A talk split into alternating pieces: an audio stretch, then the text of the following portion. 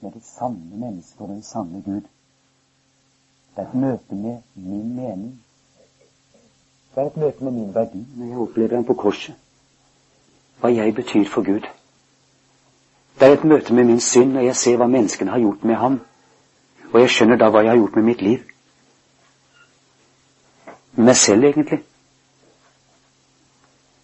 Men det begynner der, med utfordringen. Når livet blir virkelig. Og det avgjørende spørsmål kommer hva gjør du med ditt liv? Eller hva gjør du med selve livet, med meningen, med verdien? Enten det gjelder et barn i maven, eller gjelder deg selv der du står på selvmordets rand og sier 'jeg er ikke verdt noen ting'. Mitt liv har ikke noen mening.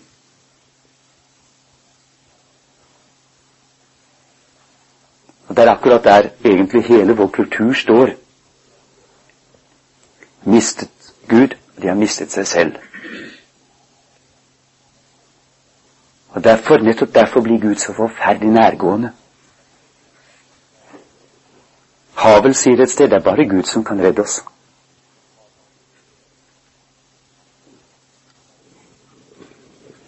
Og det er bare den Gud som har åpenbart seg som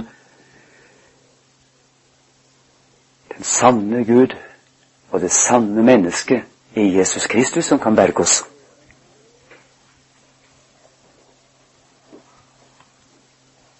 Det fins ikke noen annen Gud vi kan stole på, og det fins ikke noe annet menneske å stole på.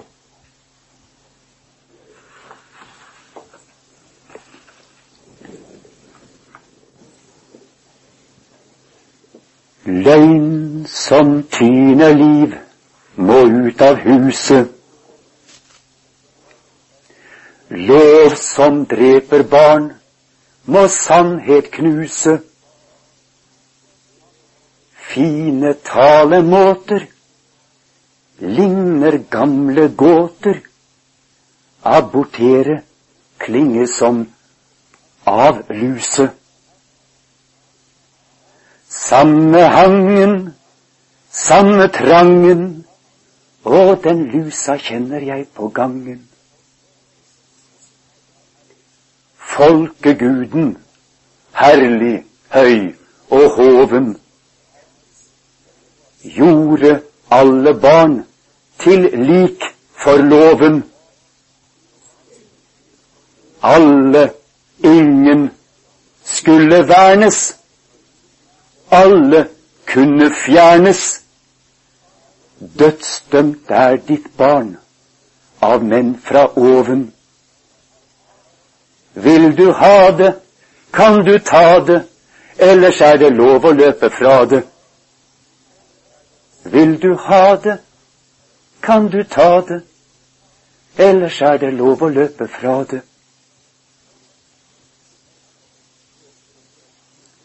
Vi har påbudt legene å drepe dersom mamma helst vil slippe slepe. Dette barnevernet løser deg så gjerne fra det vesle, tillitsfulle grepet. Men ditt hjerte spør med smerte dette offer var min frihet verte. Gud er ikke død, la barnet leve. Gud vet om din nød, og vi må kreve livets rett for barnet, berge det fra garnet, om det så skal skje med knyttet neve. Hvem kan klare å forsvare at han svek et barn som var i fare? Hvem kan klare å forsvare at han svek et barn som var i fare?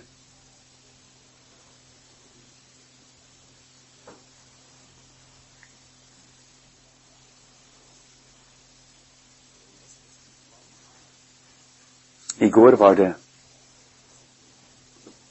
barnerettigheter i FN-regi.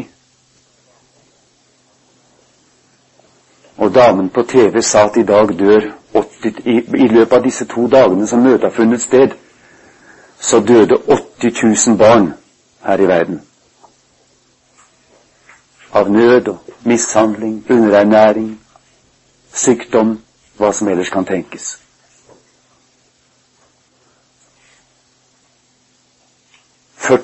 barn hver dag. Hvis du tenker at Norge har en promille av verdens befolkning, så betyr det at det betyr 40 barn på dagsbasis i Norge som altså skulle dø av mishandling og forskjellig slags nød. Og det gjør de jo.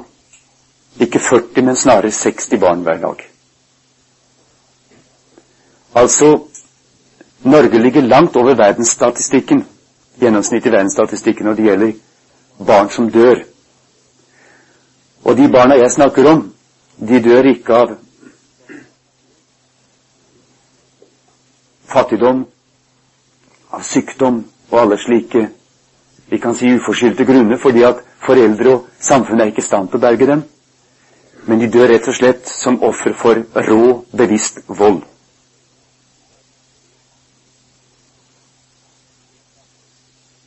Så hvis damen på TV hadde sagt at i dag blir 100 000 barn I løpet av disse to dagene er 100 000 barn blitt drept ved rå vold i verden, så hadde det tilsvart det som skjer i Norge, og har skjedd i Norge i løpet av de to dagene. At konferansen om barnets rettigheter, eller møtet om barnets rettigheter, fant sted. Det er bare for å gi et bilde av det. Jeg tror at de samme brutale og hensynsfulle kreftene som dreper barn ute i verden, de er til stede også i vårt samfunn. Det er egentlig to sider av samme sak. Den samme forferdelige uretten.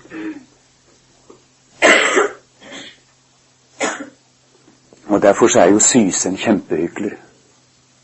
Han stiller på det møtet. Hele Syse-saken for øvrig er jo bare en fantastisk avsløring av hykleri i dette samfunnet. De tillater seg moralsk indignasjon, disse menneskene som, som går god for at barn drepes, og som selv står bak det og er medansvarlige for det. La oss si at det ble et virkelig oppgjør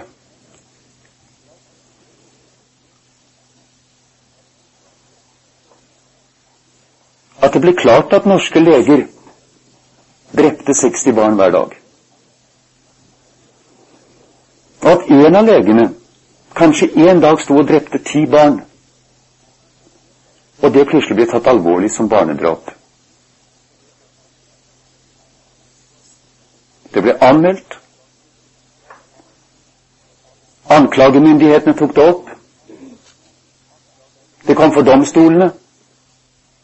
Hvem ville da bli dømt? Legen ville kunne si han handlet bare på ordre. Han utførte bare politisk drap. Men det var jo ikke han som egentlig var den skyldige. Ansvaret gikk videre opp. Ansvaret gikk til topps i samfunnet. Du ville få en rettssak som tilsvarer mange av de politiske rettssakene vi har hatt rundt omkring i verden når det gjelder politiske drap, f.eks. Dette drapet av denne presten i Polen Jeg kan ikke uttale navnet hans.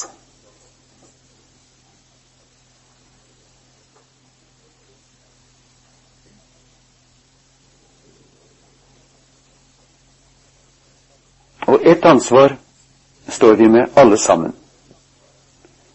Vi kan ikke klare å forsvare at vi har sviktet barn i fare.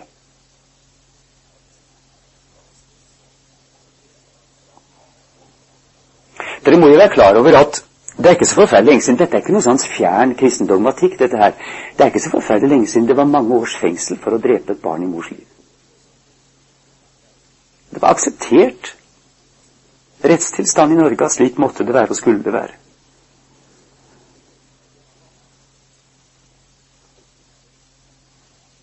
Da jeg var i 20-årene, da var min mor faktisk talt fengselsvokter på kvinnefengselet.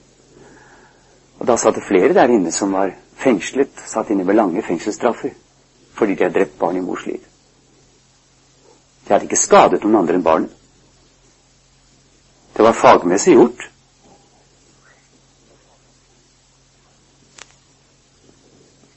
Ja? Nei, de hadde hjulpet andre. Det er jo det som alltid har vært sterkest straffbelagt. For en mor som lar seg tvinge inn i en sånn situasjon, har alltid vært oppfattet som mer eller mindre som et offer. For hun er drevet til det av eh, miljøet omkring, eh, forledet til det av den som utfører handlingen, Svikter kanskje av sin mann eller sin forlovede eller hvem det er. Hun har alltid veldig mange formildende omstendigheter å henvise til. Men det er den som utfører drapet, som ikke er i en slik presset og som ikke gjør noe for å hjelpe henne, men som tvert imot utfører drapet, som er straffskyldig.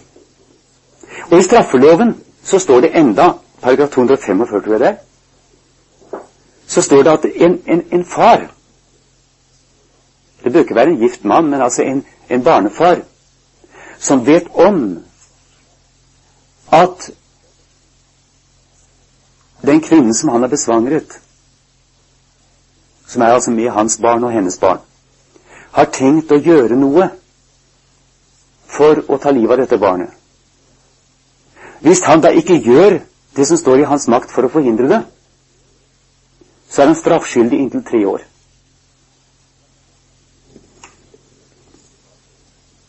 Det står fremdeles i straffeloven, for de har ikke De har liksom ikke mm, hatt huet med seg ennå til å få luka det ut. Men det står der. Og det skal visst gjelde fremdeles for såkalte ulovlige aborter. Altså slike aborter som da går utover grensene for det som staten har satt, eller eventuelt aborter ved kloke koner og jordmødre og slike som ikke er, som ikke er kvalifisert og, og uh, bemyndiget til å utføre slike aborter.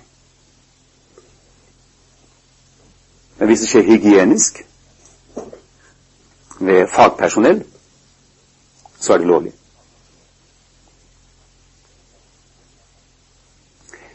Så det er klart det er skjedd en veldig omsnuing i vårt folk.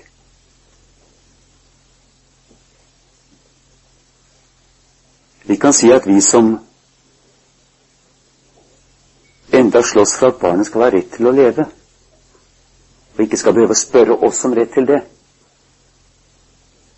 vi er på en måte et slags kulturelt etterslep, i likhet med, med sånne sære nyinnvandrere som vi har fått, som er muslimer eller buddhister eller hinduer.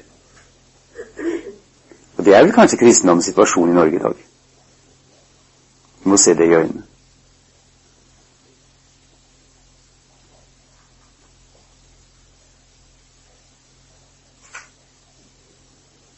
Men la det være klart for oss som forsøker å slåss på denne skansen, så er ikke dette et moralsk spørsmål. Hvis vi forstår moral mer snevert, som regler for god livsførsel og slike ting. Det er ikke fordi abort er et samfunnsonde heller at vi reagerer mot det. Men det er rett og slett fordi at små medmennesker blir drept.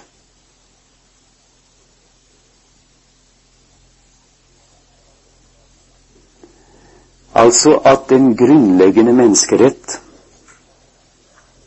blir krenket.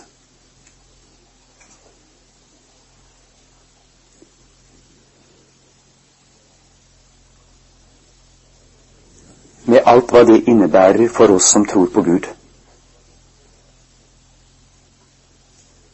Men også mennesker som ikke tror på vår Gud, vil kunne stå sammen med oss i denne kampen. Fordi det gjelder selve mennesket. Det gjelder menneskets verd. Det gjelder menneskelivets mening.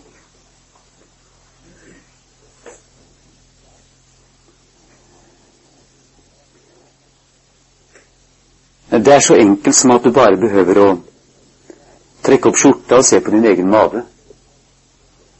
Og der ser du en navl.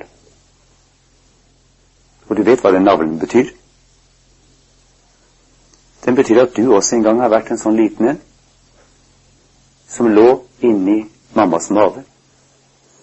Som var helt og holdent avhengig av et annet menneske for å leve. For å være den du er i dag. Du var helt avhengig av at et annet menneske orket å bære deg frem. Hadde mot og kraft og vilje til å bære deg frem. Ikke minst vilje. Og kanskje aller dypest hadde tro til å bære deg frem.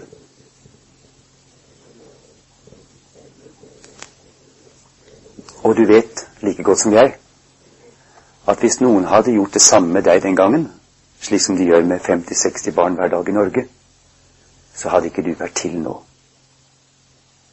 Du hadde vært drept, du hadde vært død. Du hadde levd, men du hadde vært død.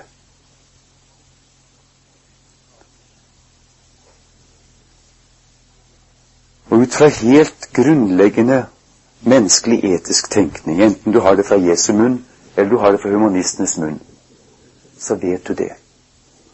At den hjelpen som du hadde trengt den gangen for å leve nå, den er din plikt å gi ditt lille medmenneske når det er i samme situasjon og i samme slags nød. Det du vil at din neste skal gjøre mot deg, det skal du gjøre mot din neste. Det fins en menneskelig solidaritet som vi ikke kan fornekte. Og det fins ingen solidaritet som er så dyp som akkurat den mellom mor og barn, og den som er mellom oss og en mor som bærer et barn. Det er den dypeste solidaritet som kan tenkes.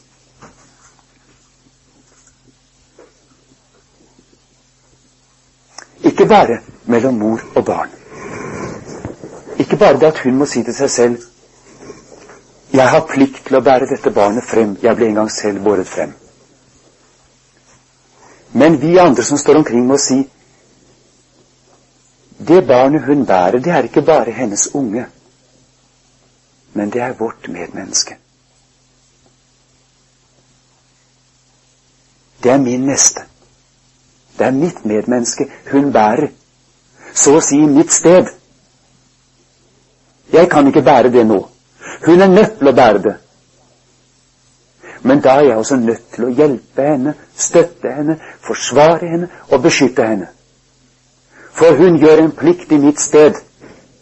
Hun bærer mitt medmenneske og uten henne kan mitt medmenneske ikke overleve.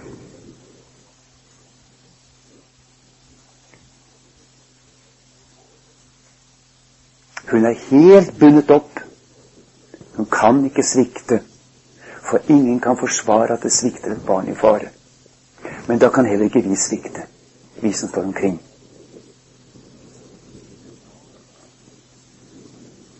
Barnet har tak på henne, ok. Et fryktelig grep i Guds navn har dette barnet på henne. Ikke bare et sentimentalt grep. Men da har også hun et tak på oss. For det er vårt medmenneske hun bærer. Og det må være helt grunnleggende. Og Derfor var det også at vi en gang i tiden hadde slike paragrafer i straffeloven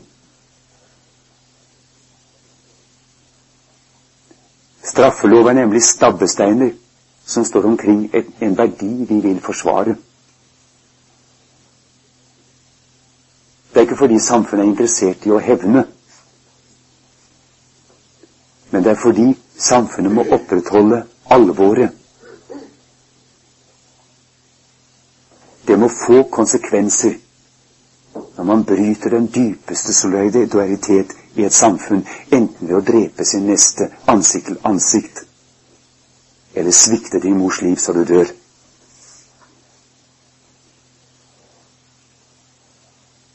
Og Derfor så skulle også en far straffes med opptil tre års fengsel. Når han visste eller hadde mistanke om, står det til og med, og ikke gjorde det han kunne for å berge mor og barn fra denne fortvilte handlingen, så var han den skyldige.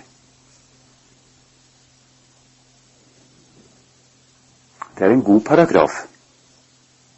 Og selv om vi aldri risikerer straff, så forteller den oss at vi er ansvarlige.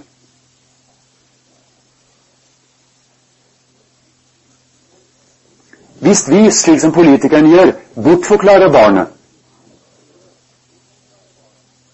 hva gjør vi da? Da tar vi fra mor motet, viljen, styrken til å bære. For alle sammen står omkring og sier det er ikke noe barn. Det har ikke noen verdi. Det har ikke noen mening i, selv, i seg selv. Men hvis du ønsker det, selvfølgelig, så kan du ha det. Hvis det er sånn at du virkelig ønsker deg et barn, og vi tar møyen med det, så vær så god, bær det frem. Men, men vi kan like godt ta det bort. Hva gjør vi med barnet da? Vi bortforklarer det. Vi skyver det fra oss som noe, noe som ikke angår oss. Det er ikke vårt medmenneske. Det hører ikke med i vår sammenheng. Det er bare et ønske du har, som du like godt kan fjerne. Hva gjør vi da med mors vilje og mot og kraft til å bære.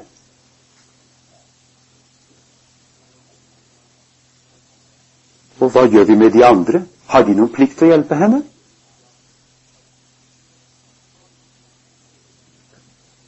Har du noen plikt til å hjelpe et menneske til å få virkeliggjort et ønske som det like godt kunne vært uten, og klart seg kanskje bedre uten?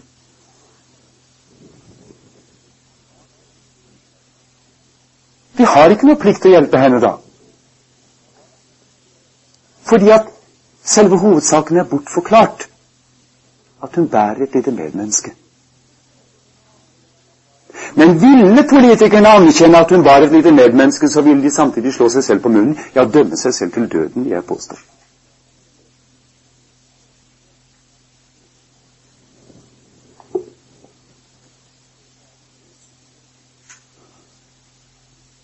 De har så massivt sviktet kvinnen som mor at det kan ikke gjøres bedre. Det kan ikke gjøres sleipere. Det er til og med gjort i omsorgens navn for å hjelpe de svakeste. Men hva da med de svakeste? Hvis de var svake før, hva er de nå? Ei jente har store problemer. Stakkars, hun har problemer. Hun blir med barn. Stakkars, hun er med barn. Det er jo enda verre. Gjør hva gjør vi da med hennes problemer? Vi gjør ingenting med dem, men vi dreper barnet hennes. Så sender vi henne tilbake til de samme problemene, med et nytt problem. Hun har vært med på å svike barnet sitt. Hun har latt oss drepe det. Det er politikernes måte å løse problemet for de aller svakeste. Eller hun som er svak og kanskje kunne klare å bære frem barnet sitt. Hvis vi bare skjønte at det var et menneske hun bar. At vi ville si det er ikke bare din unge, men det er mitt medmenneske. Men ikke vi sier det lenger, men bare må skyve under teppet. Bare må drepe den tanken. Da dreper vi den tanken i henne også. Og da dreper vi barnet hennes på forhånd. Og det er det politikerne har gjort. De har gjort alle barn i mors mage til lik for loven. Det er kanskje det de tror det prinsippet betyr. At alle skal være lik for loven. Men egentlig er det det de har gjort.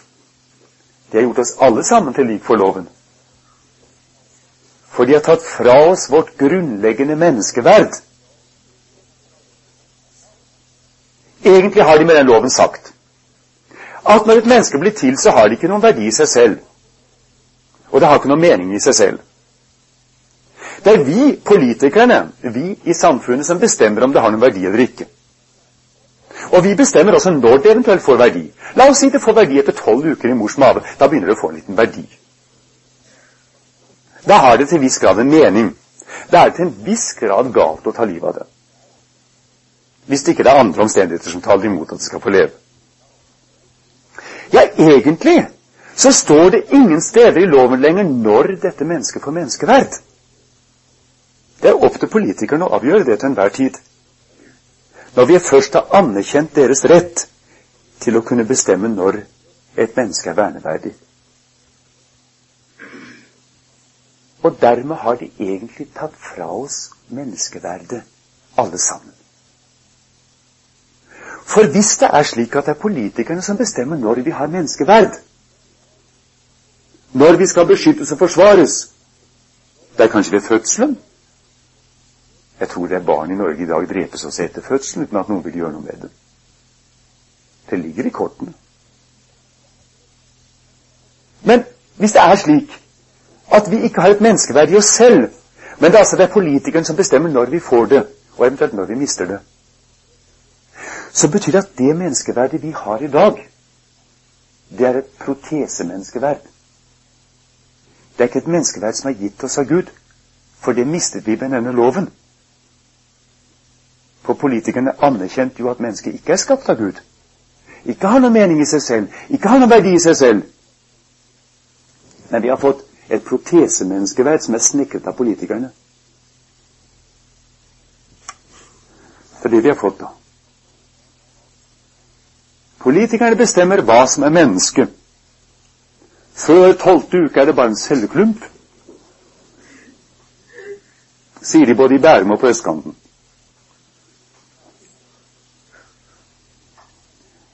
Eh, ved tolvte uke er jo også egentlig heller ikke et menneske, men abort er da blitt et onde.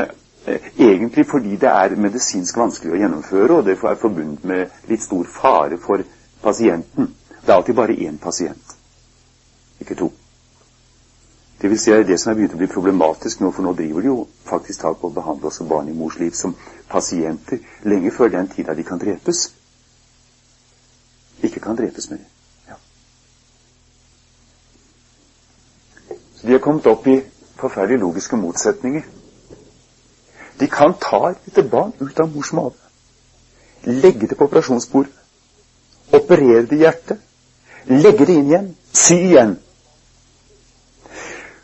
Når barnet ligger på operasjonsbordet, så kan det jo ikke drepes, for det er en pasient. Og nåde den lege som gjør det da. Men hvis han legger det inn igjen i mors mage, syr igjen, så kan han drepe det. Hvis han nå går inn den riktige veien med sugepumpa si, eller knivene sine. For det er bort. Faktisk talt så står man, i hvert fall i utlandet, hvor de har senere abortgrense enn hos oss, overfor det forferdelige dilemmaet.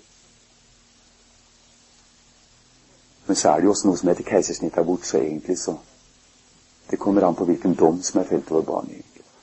Ja. Men tilbake til oss. Vi har altså fått tildelt oss menneskeverdet. De som forvalter menneskeverdet vårt, det er Syse og Gro og ja, Bondevik også, for han sitter jo også i regjeringen. Men egentlig så er utspillet nå deres. Når mister vi det? Ved 70 år? Det er jo ting som tyder på det. For da så går vi over i kennelen på en måte disse stakkars gamle som vi skal ta oss av. Så lenge vi gidder.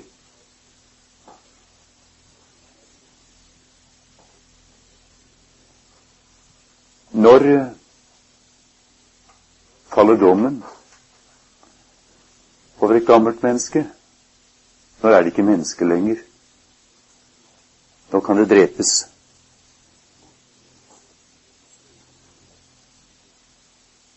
Jeg mener det er jo like god grunn til å drepe et menneske som blir til byrde for samfunnet og sine nærmeste, og som ikke har noen fremtid for seg, som å kunne drepe et lite menneske som er tolv uker gammelt og kanskje er et geni. Hvem vet? For ikke å snakke om mongoli, da. Det er jo en helt annen sak. Men det er jo den de gjerne vil forsvare. Av en eller annen merkelig grunn vil de gjerne bevare dem. Det har vært diskusjoner om det. Og det viser at de tenker sentimentalt. De tenker sentimentalt. Og det å tenke sentimentalt er det farligste av alt. Det var ingen som var så sentimentale som mange av disse nazistene som gjorde de verste ting. Fordi du retter deg etter dine følelser. På en eller annen måte så Vi har en liten søster, vi har en liten bror. Det ville være ille om verden skulle bli så kald at det ikke hadde noen plass til dem. Men samtidig selve det grunnleggende menneskeverdet er borte.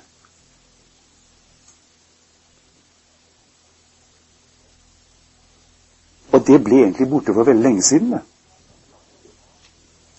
Og Merkelig nok så har det norske samfunn hatt en lov siden 1964 som gir full anledning til å fjerne mongoloide og barn med ryggmargsbrokk og alle mulige sånne ting. For allerede i lov fra 1964 så står det at til og med ved mistanke om arvelyte så kan et lite barn fjernes.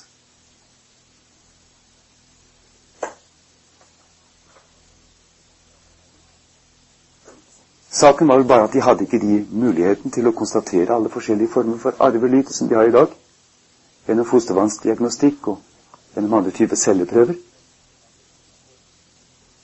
Men allerede da, i 64, så ble det bestemt at det var, hvis det var mistanke om at et barn ikke var slik som vi ønsker barn skal være, så hadde det mistet livets rett, og det kunne fjernes. Og der var det egentlig det skjedde.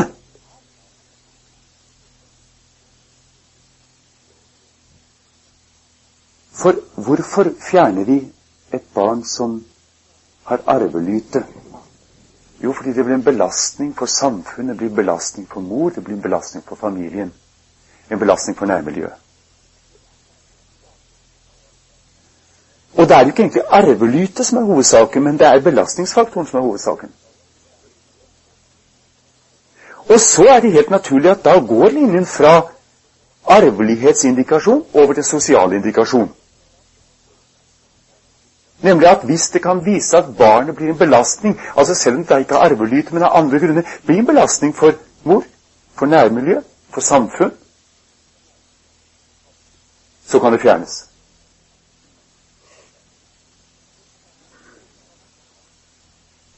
Og så har man da allerede hopet opp en forferdelig stor urett. For man har skapt sosial urett i mors mage, og den må utlignes. Og hvordan utligner man da en slik sosial urett? Jo, ved å gjøre alle lik for loven. Eller til lik for loven. Og det var det som var argumentasjonen da frem mot den siste loven vi fikk, med fri abort. For det var urimelig at noen barn skulle stille annerledes enn andre. Det var urimelig at noen skulle siles fra til fordel for andre. Og det var også urimelig at noen kvinner skulle bli behandlet annerledes enn andre.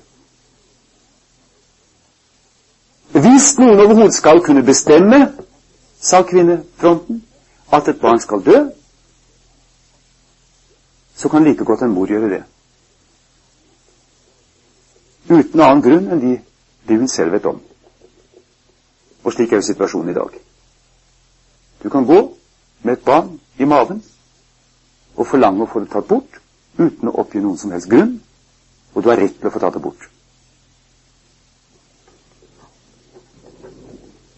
Alt dette snakk om de som er i stor nød og alt mulig sånn, det holder ikke stikk. De, de er selvfølgelig også der, men ingen vet hvem de er egentlig. De har plikt til å drepe barnet ditt hvis du sier 'jeg vil at det skal dø'. Du sier det ikke sånn, selvfølgelig. De avbryter et svangerskap.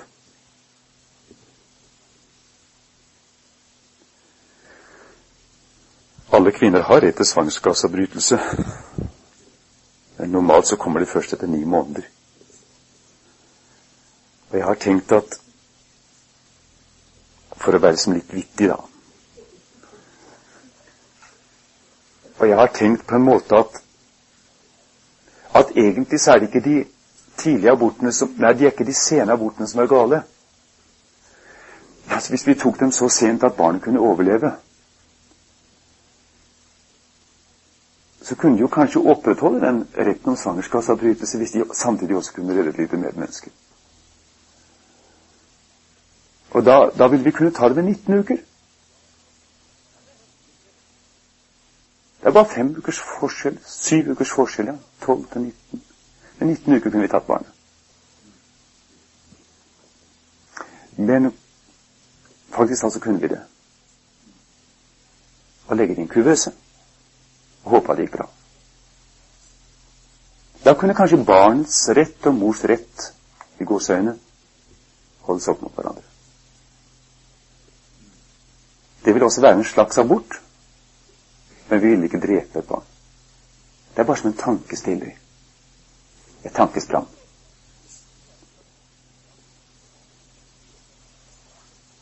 Men tilbake til selve menneskeverdet. Hva er skjedd med det? Og hva er skjedd med Gud? Gud er også blitt abortert samtidig. Fordi at Det norske storting har tiltalt seg retten, enten gjennom nemnder eller ved å delegere retten til enkeltpersoner, men de har tiltatt seg retten, for det er de som gir denne retten. En kvinne hadde ikke hatt rett til det uten. Hun har denne retten fordi at Syse og kompani gir henne denne retten. Men den norske stat har tiltatt seg retten til å bestemme over liv og død over andre mennesker. Uten at de har gjort noen forbrytelse mot det menneskets solidaritet. Det norske samfunn har gitt seg rett til å bestemme over liv og død. Det norske samfunn har tiltatt seg retten til å tildele menneskeverd eller ikke menneskeverd. Stikk i strid med den tradisjon og den tro som i tusen år har vært vårt folks. Og det vil si det norske samfunn ved Stortinget har gjort seg selv til Gud. Denne loven er den første loven som faktisk slår fast at det fins ingen høyere autoritet enn samfunnsmakten, de folkevalgte, eller folket. Det er folkeguden.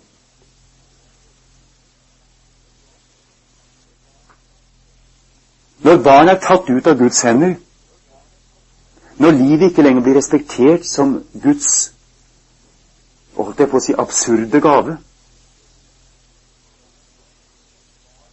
Når livet så å si må forsvare seg selv for samfunnets domstol, om det er rett til å være der eller ikke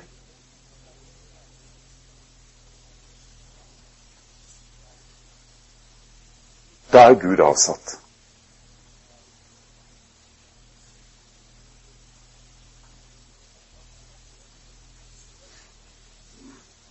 Det er ikke noe rom for Gud i Syses univers som statsminister.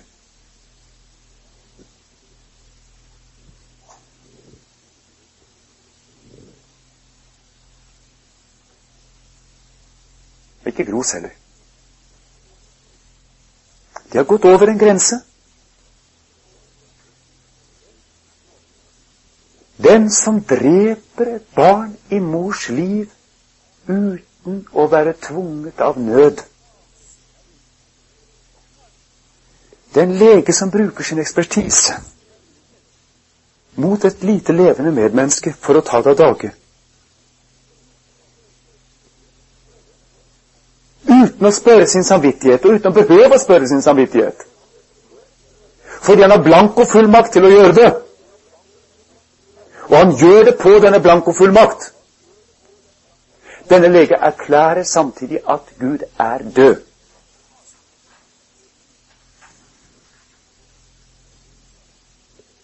Han sier dette livet har ingen mening i seg selv. Det har ingen verdi i seg selv. Det er ingen utfordring til meg.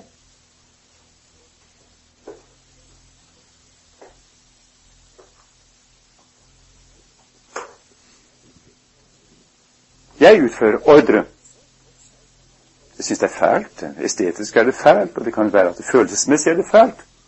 Han er sentimentalist, han som alle de andre, selvfølgelig. Og Gro og Syse syns også det er fælt.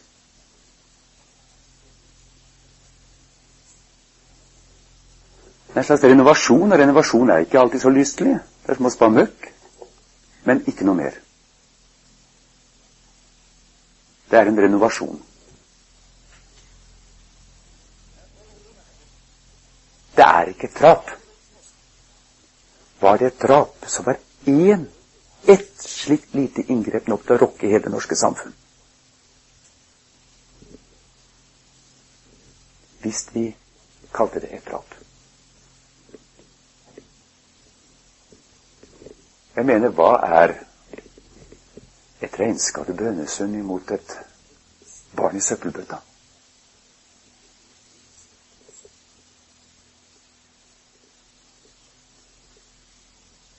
Regnskapet kom ikke engang til Brønnøysund, men barnet ligger i søppelbøtta. I lovens navn. Og dere vet jo hvem det er som dreper. Det er ikke et privat sykehus som dreper. Det er det offentlige sykehus som dreper. I USA er det så finurlig at det er det i hvert fall private sykehus som dreper.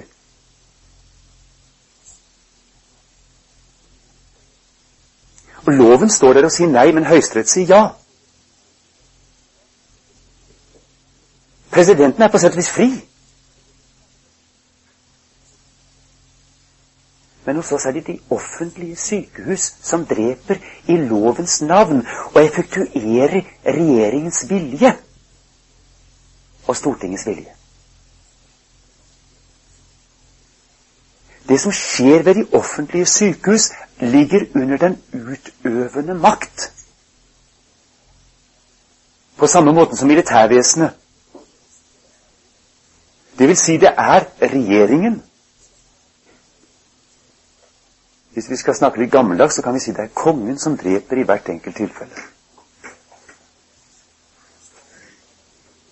Og derfor kan også legen si at jeg er fri. Og Jeg har snakket med mange leger som sier at jeg personlig syns det er ille å drepe barn. Jeg har motforskning mot det. Men jeg er ikke skyldig, for jeg effektuerer bare landets lov. Jeg er bare en håndlanger, jeg er bare et redskap. Dere kommer til gal adresse. Dere får gå til regjeringen eller til Stortinget. For det er de som dreper når jeg dreper. Det har de sagt rett ut. Vi er ikke skyldige. Det er høyere opp. På sett og vis har de rett. Altså, Dette er ikke noe som skjer i det skjulte. Det er ikke noe som skjer ved kloke koner. Det er ikke noe som skjer fordi de ikke har sosial kontroll. Dette er noe som skjer under absolutt sosial kontroll. Med vitende og vilje. I lovens navn. Etter strenge forskrifter. Det skjer som en del av vårt helsetilbud.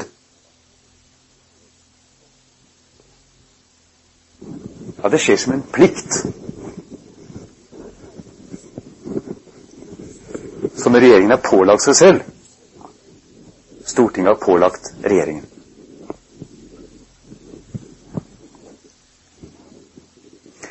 Og hva dette betyr i et helt samfunn rent pedagogisk, kan dere tenke på det? Det, det, det hvordan det kommer til å gjennomsyre hele vårt samfunn. Du kan ikke ta og skrive i en norsk lærebok for folkeskolen eller høyere skole at abort er galt og i strid med retten. Det er ikke lovlig. Fordi en norsk lærebok kan ikke motsi det som er lovfestet praksis i Norge. På den måten er det norske samfunn like totalitært som et hvilket, østlig, som helst østlig samfunn. Du kan skrive 'Det fins folk som mener at det er galt'. Kanskje til og med litt sånn ha-ha i parentes.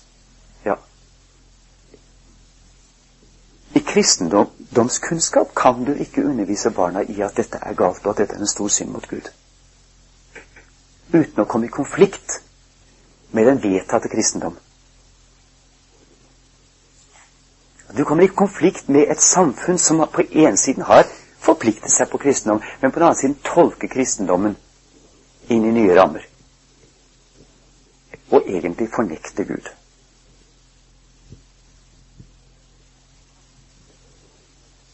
Jeg står hver søndag foran alteret og løfter vin og brød og bekjenner at denne Jesus Kristus som blir gitt på korset for våre synder, han er vår Gud. Men hver eneste dag så står statens presteskap, og de løfter ikke vin og brød, men de ofrer barn. Og de bekjenner uten ord at den Gud jeg tror på, og den Gud dere tror på, er død. Og ethvert barn som blir født i dette land, blir på en måte født med et stempel på pannen hvor det står 'godkjent'. Men de vet altså at det lever fordi de har fått dette godkjentstempelet på pannen. Det vet at det like godt kunne ha vært en abort. Det vokser opp i et klima. Det vokser opp på en slagmark hvor hver fjerde liten soldat blir drept.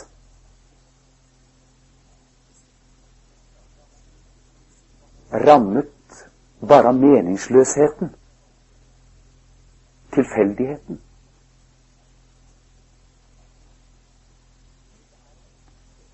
Dette er en effektiv gudsfornektelse og en effektiv fornektelse av menneskeverdet. Det går inn på det aller vareste området. Vi kan si at en krig er en forferdelig trussel mot menneskeverden, og vi ser hvordan soldater slakter hverandre ned. Men allikevel, dette er en ekstrem situasjon. Og de kommer tilbake igjen til et samfunn som de har slåss for. Noe som gir mening, trygghet, omsorg. Men her går vi inn i mors liv og fører krigen inn der. Der hvor mennesket er aller mest sårbart, hjelpeløst. Og la vårt menneskesyn virke seg ut der.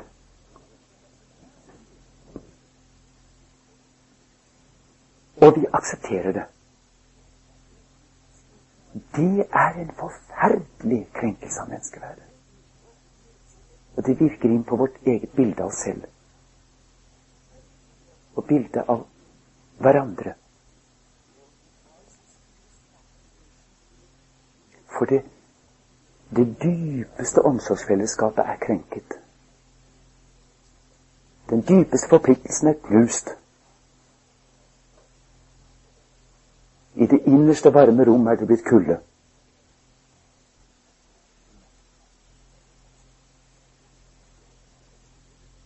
Og vi sier det er nødvendig. I en så stor by må det være mange søppelkasser. Som de sa i 30-årene da de argumenterte for abortloven.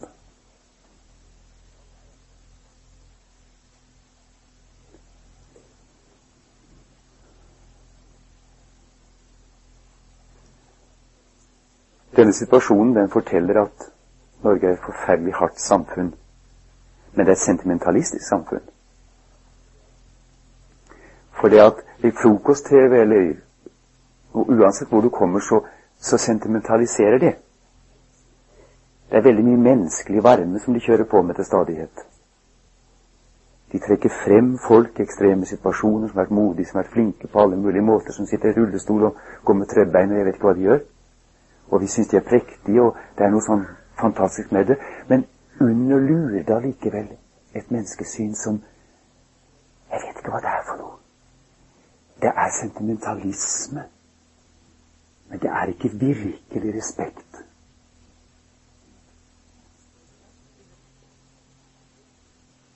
Det er en palett av menneskelig storhet og menneskelig originalitet som de viser oss.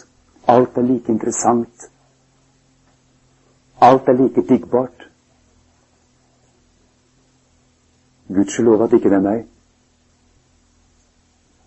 Men Samtidig så får vi en forferdelig følelse etter hvert at dette er sentimentalisme. For samtidig så ruller kverna videre.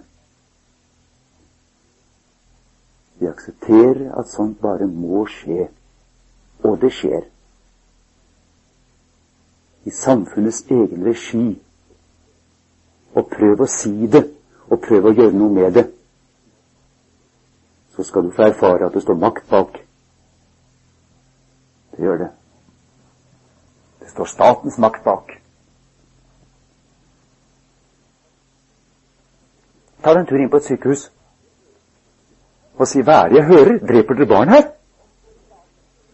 Sånt går ikke an! Dette her må dere holde opp med! Ja, så er det klart at da er du en tulling. Men jeg skulle ønske at det færre kvinnfolk ville gjøre det en gang. Skikkelig. Se dem inn i øynene og si 'Hvordan kan dere holde på med sånt?'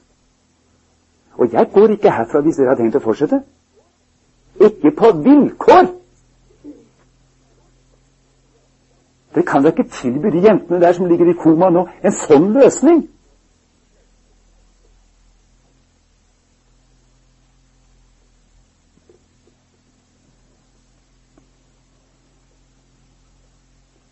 Det skulle vært interessant. Men de ville ikke la seg stoppe. Og da hadde selvfølgelig kjerringa slått seg galen. Jeg mener hvis hun virkelig mente det hun sa, da hadde hun slått seg galen. Da hadde de ringt til politiet. Politiet hadde kommet og tatt henne med seg. Inn i glattcella. Eller i postcelle. Jeg vet ikke. Det kommer an på hvor, hvor sterkt det ble for henne. Men det ville vært en saksvarende reaksjon. Ikke sant? Det ville vært en saksvarende reaksjon. Vi kan selvfølgelig tenke at kanskje en av de der småbarna var hennes barnebarn. Så kan vi jo gjøre det enda mer følelsesmessig ut av det. Men det blir ikke så bra. For da vil vi nærme oss sentimentalismen igjen. Men la, oss det være, la det være medmennesker. Men hvorfor skjer ikke det? Fordi det er ingen av oss som er i uskyldstilstanden lenger. Det har dryppet så mye gift inn i oss at vi har blitt lammet av det, og vi aksepterer det. Det finnes ikke eneste ferm kjerring i hele Norge som ville våge å gå inn på et sykehus i dag og ta et sånt oppgjør. For hun ville ikke føle seg ærlig. For hun har visst det altfor lenge. Og ikke gjort noe med det. Det er det som er grunnen. Bare det som er grunnen.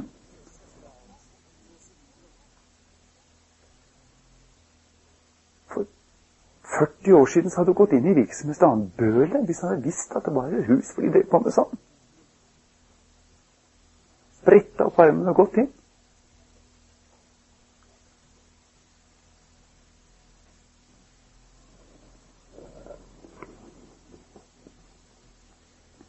Men det viser hvor forgifta vi har blitt.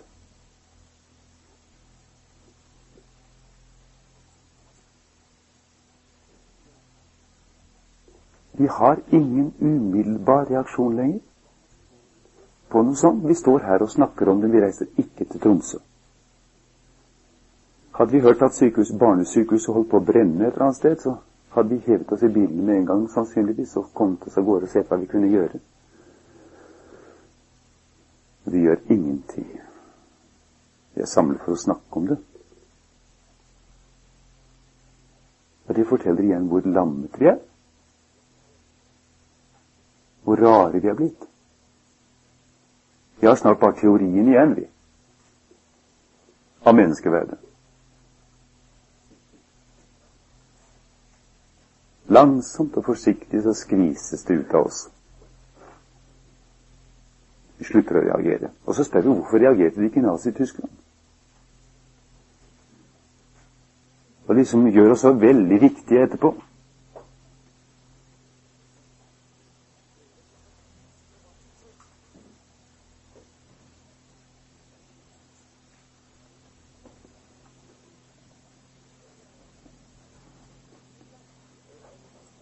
Vi reagerer ikke adekvat. Derfor så klarer vi ingenting. Hvis, når vi står overfor en kvinne som har tenkt å ta bort, så reagerer vi ikke engang adekvat. Altså, vi, vi, vi, vi bøyer unna, vi mimrer litt sånn og, og, forsøker, men vi reagerer ikke som det virkelig er, som et forferdelig nødskrik. 'Jeg har tenkt å ta livet av ungen min, for jeg orker ikke mer', sier hun egentlig.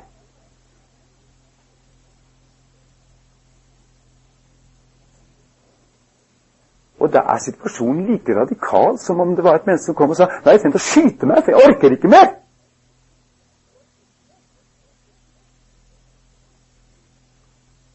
Til og med Kvinnefronten har fortalt oss at det er et forferdelig alvorlig valg for en kvinne å bestemme seg for å ta en bort. For det er jo hennes barn sin. Men hvis det er et så alvorlig valg, hvordan reagerer vi da på det? For det er et alvorlig valg å ta sitt liv også. Og det er beslektet. Kan ikke godta at hun er i en situasjon hvor hun må ta et sånt valg. Eller så velger vi for henne.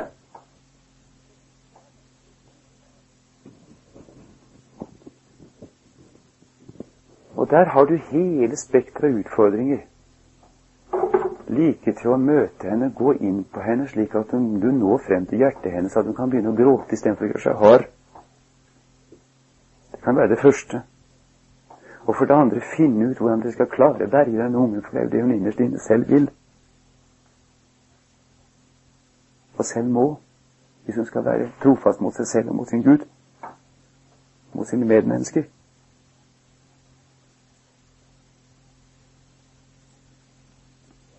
Men det, det, du gjør med ditt eget barn, de gjør jo til målestokk for andre, ikke sant? Det vet du jo. Du gjør det til en regel.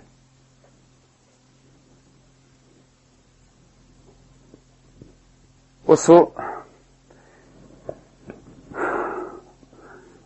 Jeg bruker fysisk makt for å hindre et menneske å ta livet sitt. Gladelig. Hvis jeg ikke gjorde det, så ville de sannsynligvis få meg dømt. Hvis jeg hadde stått i hendene i lomma og sett en fyr hoppe utfor stupet. Og med rette. Altså den som står daglig så å si og sier at abort er å drepe et lite menneske, har plikt på seg til å ikke bare stå der og si det, men oppføre seg som om han trodde det. Så enkelt er det. Og det er den utfordringen vi står overfor. For den som ikke ikke oppføre seg som om han trodde det. Han er ikke troverdig. Han står og snakker teori, men han tror ikke virkelig på den. Og beviser hvordan abortvirkeligheten har påvirket oss alle. For vi er medskyldige alle sammen. Det er jo det som er saken. Jeg vet ikke, jeg tror ikke det er mange mennesker som ikke på en eller annen måte er blitt medskyldige.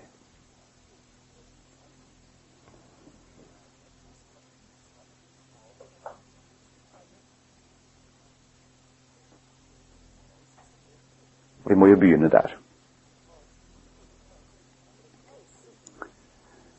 Jeg tror det er et veldig godt utgangspunkt.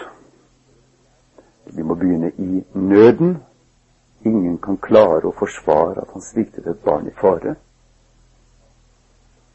Det kan ikke mor klare. Det kan ikke du klare når du forstår det. Og du forstår at du har gjort det. Vi må begynne i nøden for barnet og nøden for mor. Og så må vi fortsette med vår medskyldighet.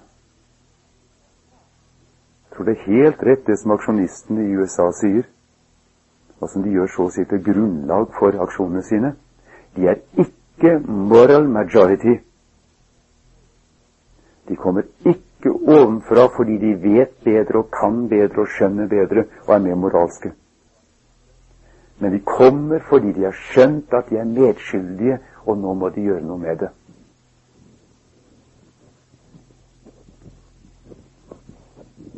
De kristne aksjonistene troende aksjonistene i USA de begynner med sin egen skyld som utgangspunkt. De står foran abortklinikken og sier dette kunne aldri ha skjedd hvis vi hadde vært det som Herren har kalt oss til å være, verdens lys og verdens salt. Men fordi vi ikke har vært det, og fordi den amerikanske kristenhet ikke har vært det, derfor kunne dette skje, og derfor kan dette skje.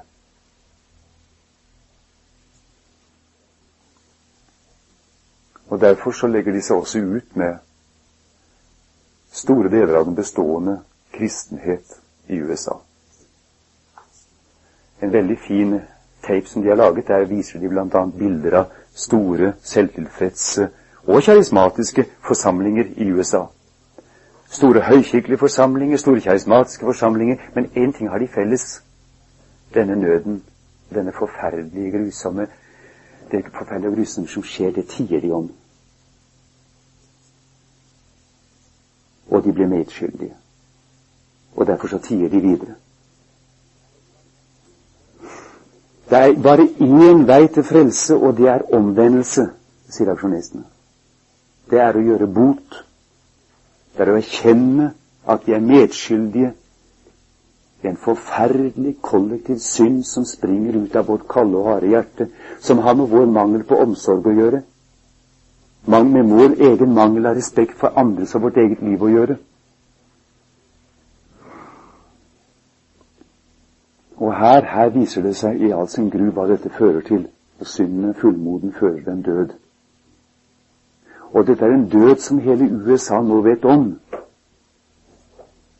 Vi kan ikke si at ikke vi visste om det. Men vi gjør ikke noe med det. Og derfor er vi ifølge Skriften medskyldige. Vi trekker bl.a. frem et stykke fra Jeg tror det står i Fjerde Mosebok, i farten så husker jeg ikke skriftstedet, hvor det er en regel for hvordan skal, man skal oppføre seg dersom en mann finnes død mellom to landsbyer, altså øyensynlig myrdet. Da skal de eldste fra hver landsby møte opp der hvor liket ligger, og bevitne at ingen av dem har visst noe om det. Og det må de gjøre for å ikke bli skyldige i dette drapet som har skjedd. Men de sier her er det jo helt klart at vi vet om det. Vi har visst om det lenge. Vi har Allikevel har vi ikke forkynt klart mot det, og vi har ikke gjort noe med det. Derfor kommer dette blod over hele vårt folk, og først og fremst over de kristne. Først og fremst over de kristne. For det var de som var kalt å være dette folks samvittighet. Det er en fryktelig vrede som er i ferd med å samle seg over vårt folk. Og denne vreden, den Det gjelder USA, det gjelder vårt folk. Den viser seg bl.a. også i det at hvert fjerde barn blir drept. Så store tap har vi ikke hatt i noen krig. Altså selve barnedrapet er også en del av vreden. Fordi at når Gud straffer for synd, så overgir han til mer synd. Det er slik. Derfor overga Gud dem til et sinn som intet duger. Og så får du hele løpet. Ny synd er straff for gammel synd, gammel uavgjort synd. Og vi føres lenger og lenger. For Gud blir på en måte møll og rust på vårt folk fortærer oss innenfra. En langsomt brennende vrede som til slutt svir ut vårt menneskeverd. Og vi skal få se enda verre følger av det. Ikke bare her i Norge, men i hele Europa. Vi skal få se hva det er for en sæd vi har holdt på å klekke ut. Dette kan ikke gå på noen annen måte enn enn inn under Guds vredesdom. Det er helt sikkert. Men dommen skal begynne med Herrens hus.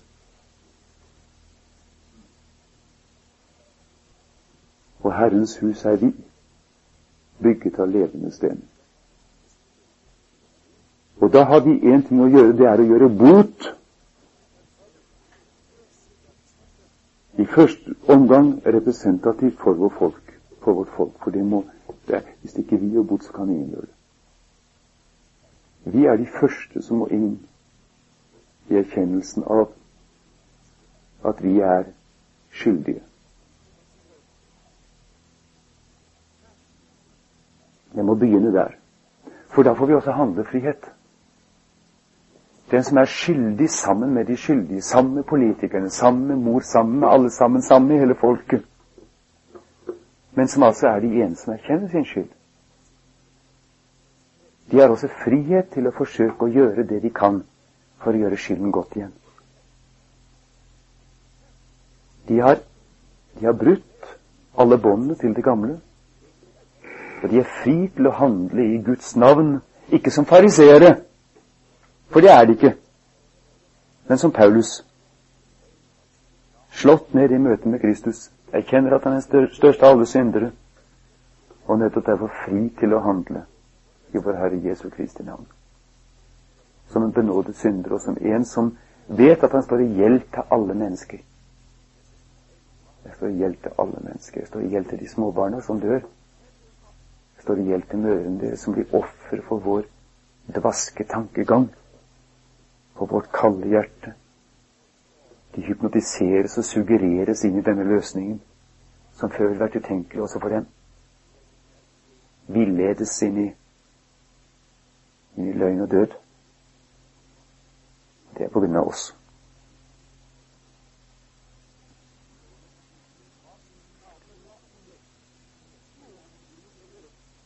Det eneste vei til bot for det norske folk, det må være gjennom denne erkjennelse. Altså, En hvilken som helst omvendelse, en hvilken som helst oasebevegelse, en hvilket som helst forsøk på å frelse det norske folk utenom denne erkjennelse er dømt til å mislykkes. Det er helt sikkert. For da går man, da går man utenom det vi kan kalle for innerste kjernen i det. Den utfordringen så å si som Gud har lagt ferdig. Og den jeg holdt på å si også den håpefulle muligheten, ja. Fordi vi har en folkesyn som er så klar, så felles, så kollektiv. Og så personlig, nær, for alle sammen. Men går vi utenom den, så kan vi drive misjonsselskap eller hva vi vil, men altså, det har ingen hensikt. For det vi da gjør, er å misjonere for en kirke som ikke tar opp spørsmål som virkelig ligger Gud på hjertet, men som tvert imot blir en slags sånn, sånn fenderkirke mot Guds virkelighet. Og altså For det Kirken ikke tar opp, det bør verden slett ikke ta opp. Altså, som Jesus sier til fariseeren, dere tar over land og hav for å skaffe den eneste proselytt, og når dere har vunnet ham, så gjør dere ham til helvetes barn verre enn dere selv. For dere blir stående der og,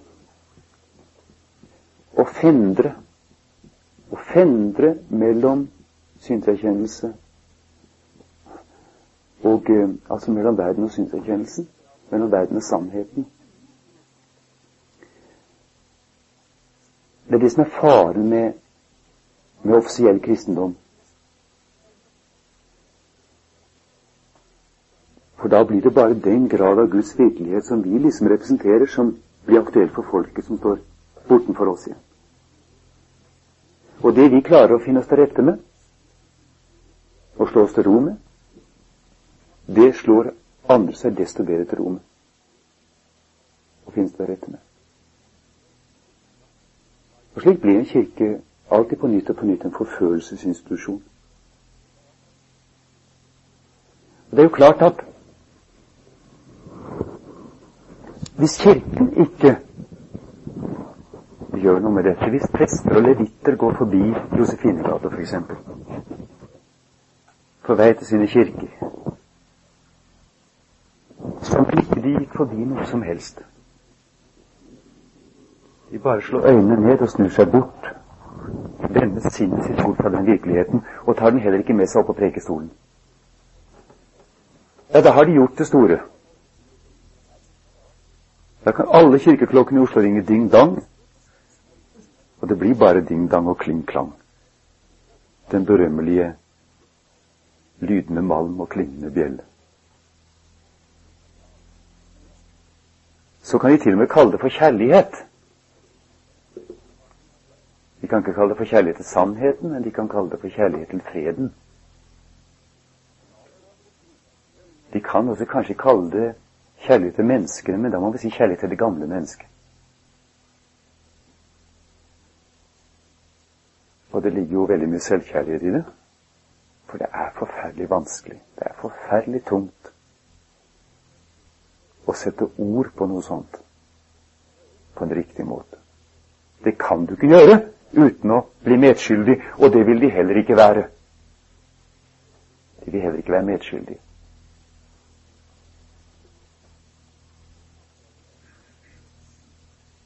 Anklager du dem, så er de tvert imot.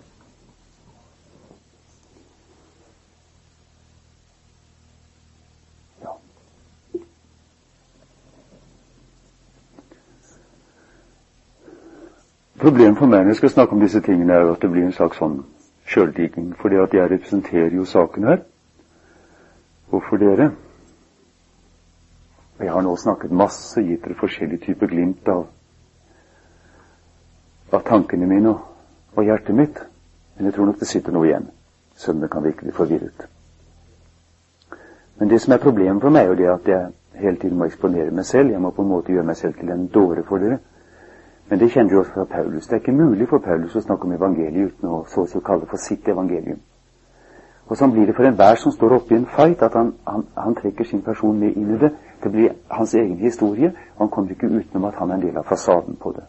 Det er forferdelig farlig. Det er klart det er det. Men jeg kan jo ikke snakke om dette uten at dere merker at det er selvopplevet, og at jeg er inni det. Sist så fikk jeg en forferdelig følelse av at det ble for mye digging, det hele. Men da hadde jeg det litt gøy, og da, det er farlig når man har det gøy, for da, da, nyter, man, da nyter man seg sjøl. Men kanskje Gud allikevel unner oss det sånn en og annen gang. Sånn som en slags barnelek. Men det er, det er, veldig vondt når, det er veldig vondt når liksom, du får det plutselig midt i trynet etterpå, og du liksom opplever på en måte hva du har holdt på med. Det skal være sikkert. Ja, det skal vi gjøre, ja. Det syns jeg er veldig bra. Mye er klokka nå? Halv tolv, ja. Men da tar vi en time etter dette her.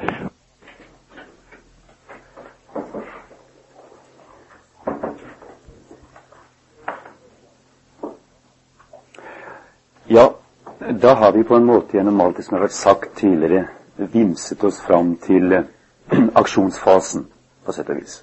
Vi har jo det. Jeg skal først lese opp et lite brev for dere.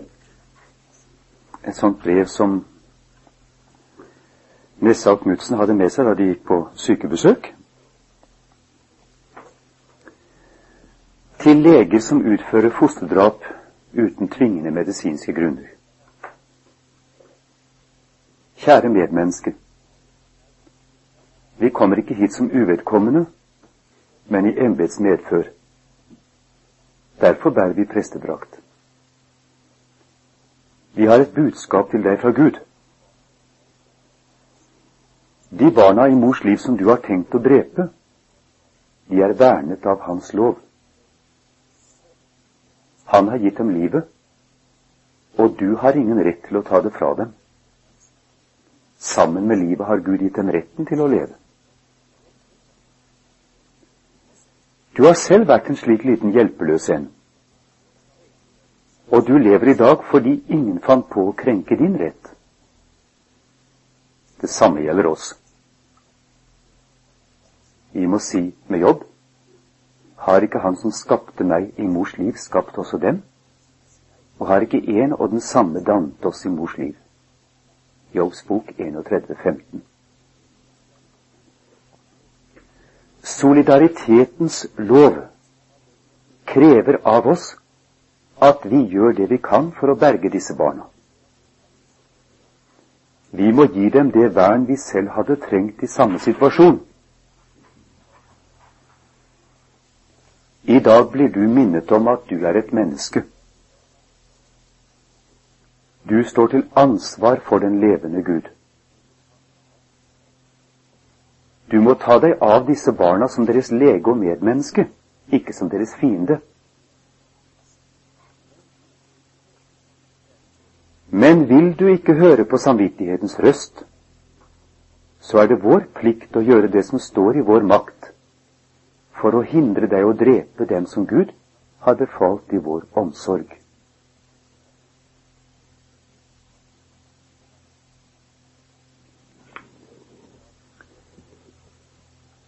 Det er basisdokumentet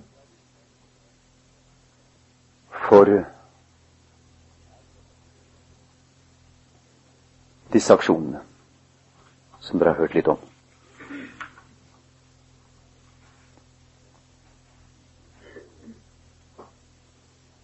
Utenfor, da vi prestene var inne, så sto det, jeg tror, to studenter fra Menighetsfakultetet hadde bitt hodet av all skam og bestemt seg for å stille opp.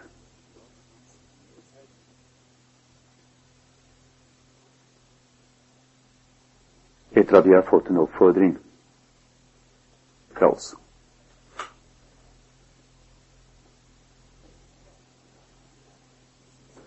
Og de laget på egen hånd denne løpeseddelen, som de delte ut til alle som gikk inn på Josefinegate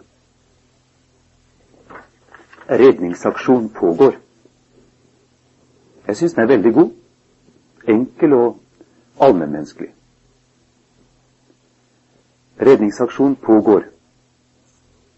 Den informasjon du her mottar, kan bli din, og eventuelt ditt barns redning.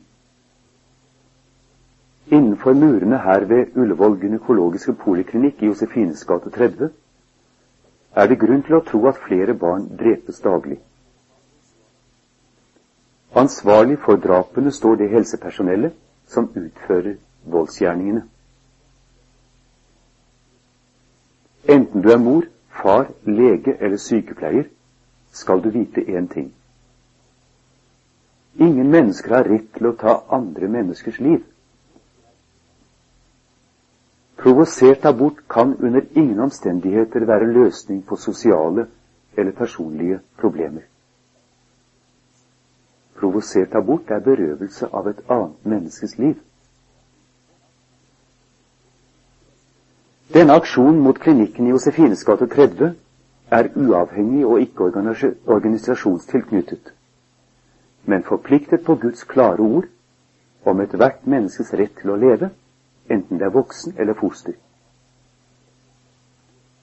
AAN-kontoret, Rådgivningskontoret for gravide, i Ebbels gate 1 kan være til hjelp. Mange kvinner med lang erfaring i spørsmålet er daglig disponible med råd. Ring telefon 20 88 70 eller telefon 20 88 79. Du er et medmenneske. Undertegnet Redningsaksjon pågår.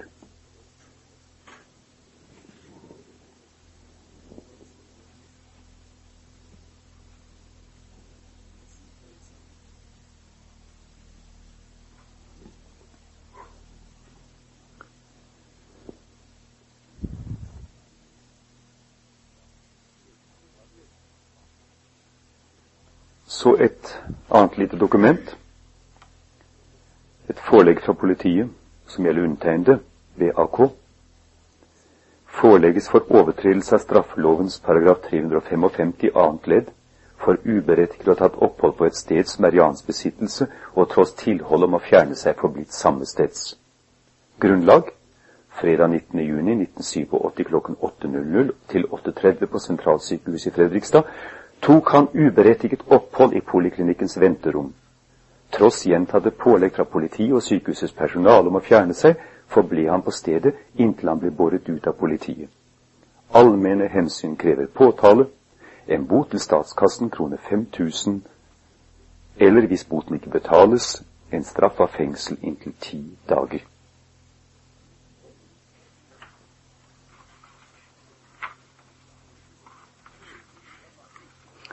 Jeg tror jeg må gi dere en sånt lite innblikk for at dere skal få konkretisert det litt. Hva dere snart skal være med på. Så er det da en anmeldelse undertegnet av prestene Knutsen og Nessa til Fredrikstad politikammer. Anmeldelse. Fredag 19.6.1987 ble tre ufødte barn drept på Sentralsykehuset for Østfold, heter det vel, ja, SØF. Ansvarlig for drapene er overlege Så kommer et navn som er likegyldig, egentlig. Ved gynekologisk avdeling. Det kunne være hvilken som helst overlege. Vi er kjent med at fire slike overgrep var planlagt den dagen, men at en kvinne trakk seg i siste øyeblikk. I samtale med oss morgenen 19. juni bekreftet overlegen at fosterdrap til stadighet finner sted ved avdelingen, og han forsøkte ikke å avsanne at slike drap ville bli utført samme dag under hans medvirkning. Overlegen nektet å følge vår innstilling da vi på embets vegne i Guds navn formante ham til å holde opp med å drepe barn i mors liv. Han medga at det ufødte barn er et menneske, og at provosert abort er drap, men forsøkte å forsvare sine gjerninger under henvisning til norsk lov, som gir kvinnen rett til selvbestemt svangerskapsavbrytelse. Vi kan på vår side ikke se at denne loven dermed har gjort det riktig å avbryte et annet menneskes liv. Vi er tvert imot overbevist om at ethvert menneske har rett til det livet det har fått av Gud, og at samfunnet har plikt til å ivareta denne rett for dem som ikke kan berge seg selv. Alle har vært slike forsvarsløse små, og det er vår felles plikt å gi dem den hjelp vi selv ville ha trengt i samme situasjon. Derfor møtte vi også opp på SØF 19. juni, fast bestemt på å gjøre det som sto i vår makt for å hindre at disse barna ble drept. Da dette ikke lyktes, må vi anmelde overlege NN som ansvarlig for drapet på disse barna. Vi må også anmelde politiet for å ha grepet inn på feil side i denne rettslige konflikten. De som forsøkte å hindre forbrytelsen, ble båret ut for at drapslegene uhindret skulle få drepe forsvarsløse medmennesker. Overfor politiet fremholdt vi flere ganger at vi frivillig ville forlate sykehuset dersom politiet ville ta ansvar for barnas sikkerhet. Politiet ble også anmodet om å ta kontakt med justisministeren. Da politiet avslo dette, måtte vi la oss bære ut. Ved sin opptreden har politiet på det groveste forsømt sin plikt overfor forsvarsløse medmennesker, og forgrepet seg på dem som ville forsøke å oppfylle denne plikt. Vi må derfor kreve at de skyldige innen helsevesen og politi blir offentlig tiltalt og straffet.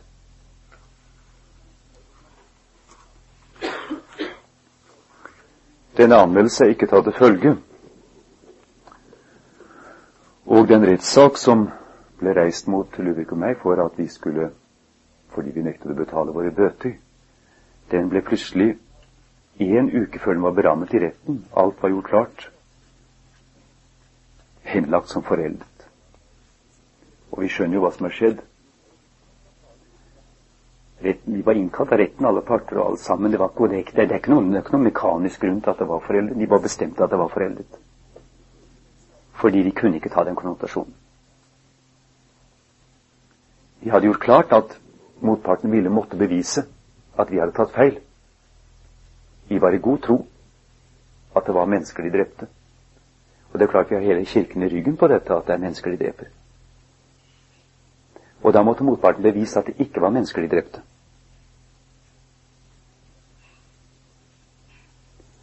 Det ville i hvert fall blitt en meget delikat sak.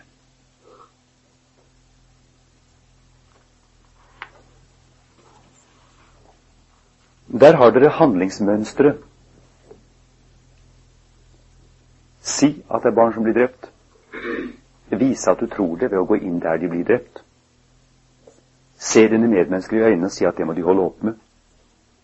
Få dem til å si at de ikke vil holde opp med det. La dem hente politiet, fordi du ikke kan gå når du vet at de har tenkt å drepe dine små medmennesker. Be politiet om å beskytte barna, for det er det de er satt til å gjøre mot disse som vil drepe dem, og beskytte deres mor mot dem som forleder dem til å gjøre dette her og vil løse deres problem på en sånn forferdelig måte. La politiet bære deg ut.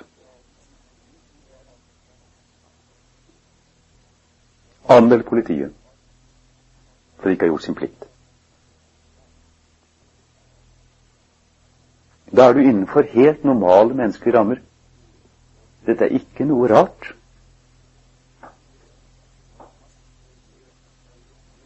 Det er ikke plast det er ikke små dukker i plastpose med ketsjup, og det er ikke, det er ikke dukker på kors heller.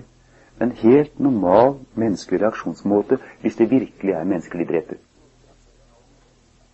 Den enkleste, klareste, mest logiske form for å forkynne hva det er som skjer.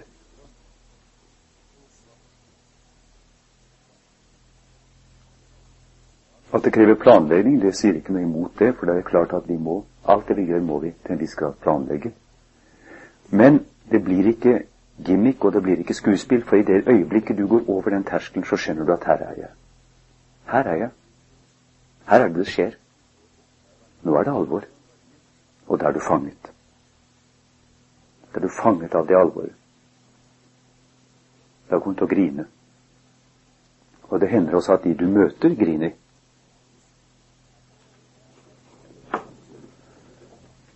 Men utgangspunktet, det må da være at du er en av de som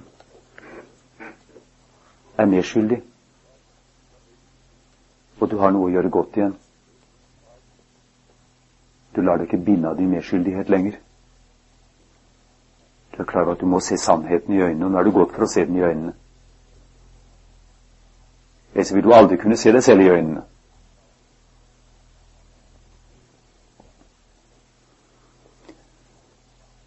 Nå kommer vi til blodet. Det var på en måte en sånn Eller gimmick de kaller det for. Det var ikke ment som det, men det ser jo sånn ut. Et brev til stortingspresidenten som aldri ble kjent, fordi politiet grep så raskt inn at de forhindret at pressen fikk tak i hva vi hadde overrakt stortingspresidenten. Dagen før. Og han har selv aldri offentliggjort det.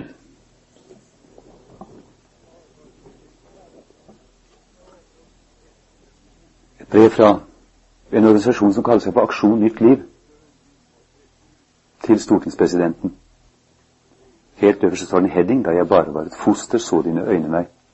Salme 139, 16. Dette var Jo Benko, som dere vet er jøde. Til stortingspresidenten. Yom Kippur, forsoningsdagen, faller i år på onsdag 21. september. 1988 er det 25. året med lovregulert fosterdrap i Norge. Vi har bygget opp et desperat behov for nasjonal forsoning. Din brors blod roper til meg fra jorden. På Jom Kippur går et helt folk inn i oppgjøret med sin kollektive skyld. Det er jødenes forsoningsdag. De slutter å skylde på hverandre, men står sammen overfor Gud i skyldens solidaritet. Da heter det Din skyld er min skyld. Sammen med sin ypperste prest ber de Forlat oss vår skyld. Det offentlige fosterdrapet har utviklet seg til et nasjonalt traume av fortrengt skyld, innestengt sorg, bitter anklage og aggressivt selvforsvar. Skal det komme til forsoning og ny solidaritet, må det begynne i bevisstheten om at vi alle er skyldige. I den prosessen må selvrettferdighet og dømmesyke dø.